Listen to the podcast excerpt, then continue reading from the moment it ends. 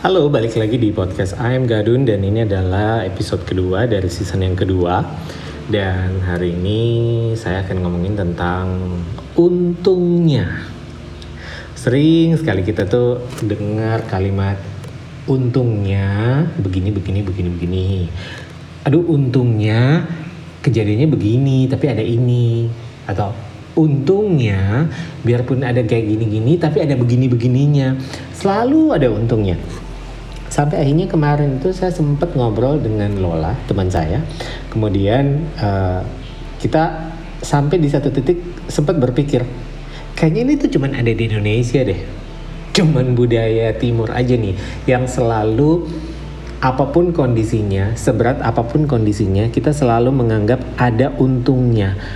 Jadi apakah ini sesuatu yang bersifat positif atau ini tuh sebenarnya penyangkalan. Kadang saya sendiri bingung gitu. Ini tuh kita selalu berkata untungnya, untungnya, untungnya karena kita merasa bersyukur untuk ter, uh, untuk sesuatu hal yang memang tidak enak atau sebenarnya kita menyangkali itu kita nggak bisa menerima itu dengan dengan apa adanya beda banget kan kalau misalnya kita lihat kayak film-film di film-film Hollywood contohnya gitu.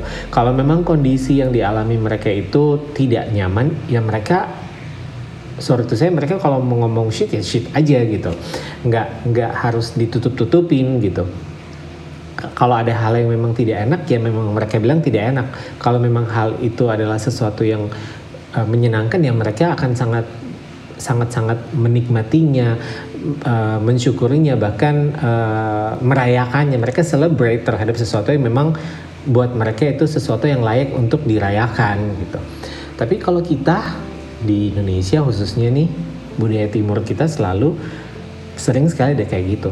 Nah, untungnya, untungnya, untungnya seperti sekarang ini kondisinya walaupun lagi susah pandemi kita masih bisa hidup.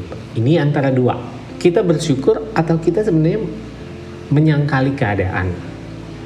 Kalau menurut saya pribadi nggak ada salahnya loh kalau memang memang kita lagi di kondisi yang tidak baik ya kita bilang aja tidak baik gitu. Sering sekali kan juga kalau misalnya ada yang nanya halo apa kabar mbak? Selalu hampir selalu kita akan menjawab baik baik baik.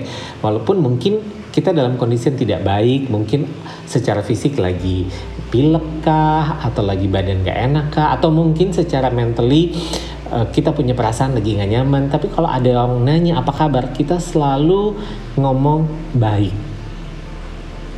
Zaman zaman dulu ada lagi yang bikin jargonnya kalau ditanya apa kabar jawabannya luar biasa. Oke okay.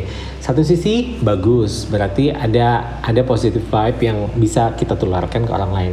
Tapi di sisi lain kayak kita kayak menyangkal diri sendiri ya. Salah nggak sih kalau misalnya memang kita dari uh, ada di dalam kondisi yang lagi tidak baik terus kalau misalnya ada yang nanya apa kabar? dan kita ngomong apa adanya menurut saya sih enggak ya.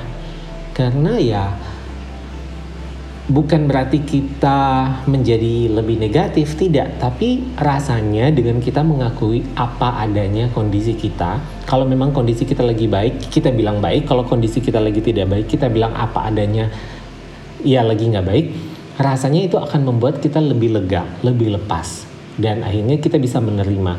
Karena yang saya pelajari da dari salah satu buku sebelum kita bisa contohnya ya, sebelum kita bisa uh, memaafkan atau melupakan sebuah kesalahan yang pernah kita buat, yang harus kita lakukan pertama kali adalah harus mengakui itu harus menerima itu.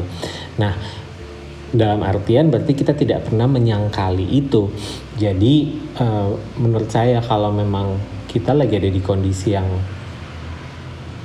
tidak lagi baik, ya nggak ada salahnya kok kita ngomong memang lagi nggak baik. Bukan berarti kita jadi menyebarkan negatif uh, virus atau gimana enggak, tapi nggak ada salahnya juga orang tahu gitu dan kita juga tidak perlu berpura-pura untuk selalu baik harus berpura-pura atau menutupi diri atau deny untuk bahwa uh, hidup kita ini selalu sempurna enggak karena pada kenyataannya kehidupan itu sekali lagi seperti roda, kadang di atas, kadang di bawah, kadang di samping.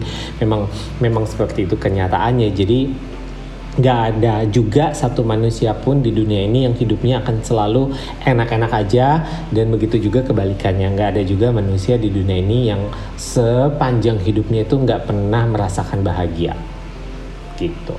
Jadi kalau misalnya sekarang ini mungkin kita merasa bahwa memang hidup kita lagi beruntung, kita bisa ngomong itu adalah sesuatu yang luar biasa, sesuatu yang kita syukuri. Tapi kalau memang kita rasa ya memang lagi berat, nggak ada masalahnya kok untuk kita mengakuinya. Dan dengan mengakui sesuatu yang memang lagi berat kita alami, secara tidak sadar kita telah melepas, melepas beban yang ada di dalam perasaan kita.